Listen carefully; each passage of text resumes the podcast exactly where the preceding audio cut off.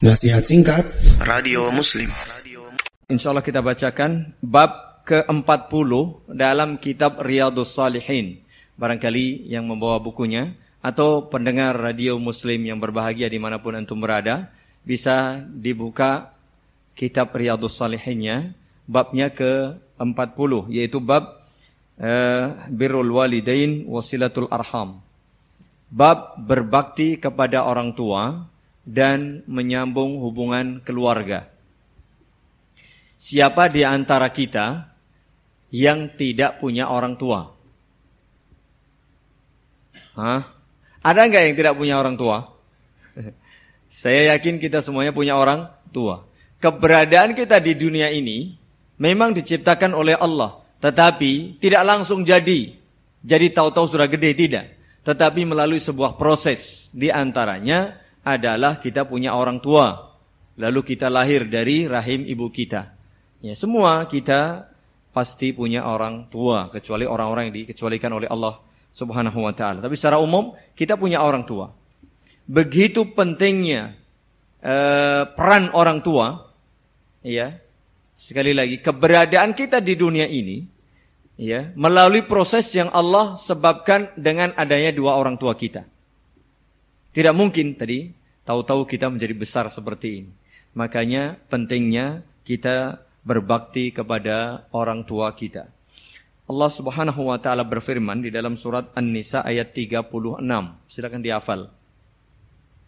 Wa'budullaha wa la tusyriku bihi syai'a. Beribadahlah kepada Allah dan jangan menyekutukan Allah dengan sesuatu pun. Ini merupakan perintah terbesar bagi umat manusia. Sebagaimana dalam surah Az-Zariyat ayat 36, "Wa ma khalaqtul jinna wal insa illa liya'buduni." Tidaklah aku ciptakan bangsa jin dan manusia kecuali supaya mereka itu beribadah kepadaku kata Allah. Diulang-ulang banyak ayat, banyak hadis juga. Intinya apa? Wa'budullaha wa la tusyriku bihi syai'a. Beribadahlah kepada Allah dan jangan berbuat syirik apa pun, sekecil apa pun atau dengan uh, sekutu apa pun. Jadi ini merupakan inti ibadah hamba Allah Subhanahu wa taala yaitu beribadah bertauhid hanya kepada Allah. Memberikan seluruh ibadah hanya kepada Allah Subhanahu wa taala. Lalu ditekankan lagi wala tusyriku bihi syai'a. Jangan sekali-kali melakukan perbuatan menyekutukan Allah dengan sesuatu pun. Kata syai'an di sini bermakna jangan melakukan bentuk syirik apa pun.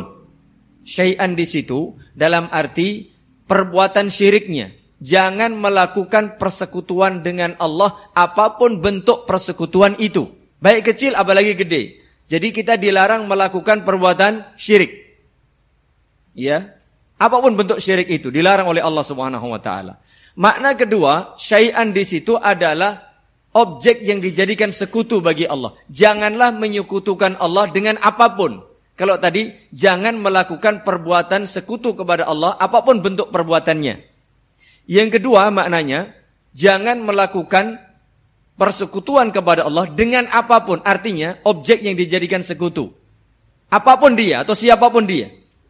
Baik dia itu seorang malaikat, seorang nabi, seorang wali, seorang saleh, apalagi sekedar dia itu uh, hewan, apalagi sekedar benda mati, akik misalnya, ya. Seandainya pun itu Nabi kita Muhammad wasallam manusia terbaik, tidak boleh dijadikan sekutu bagi Allah, apalagi selain beliau. Bahkan malaikat Jibril pun tidak boleh dijadikan sekutu bagi Allah.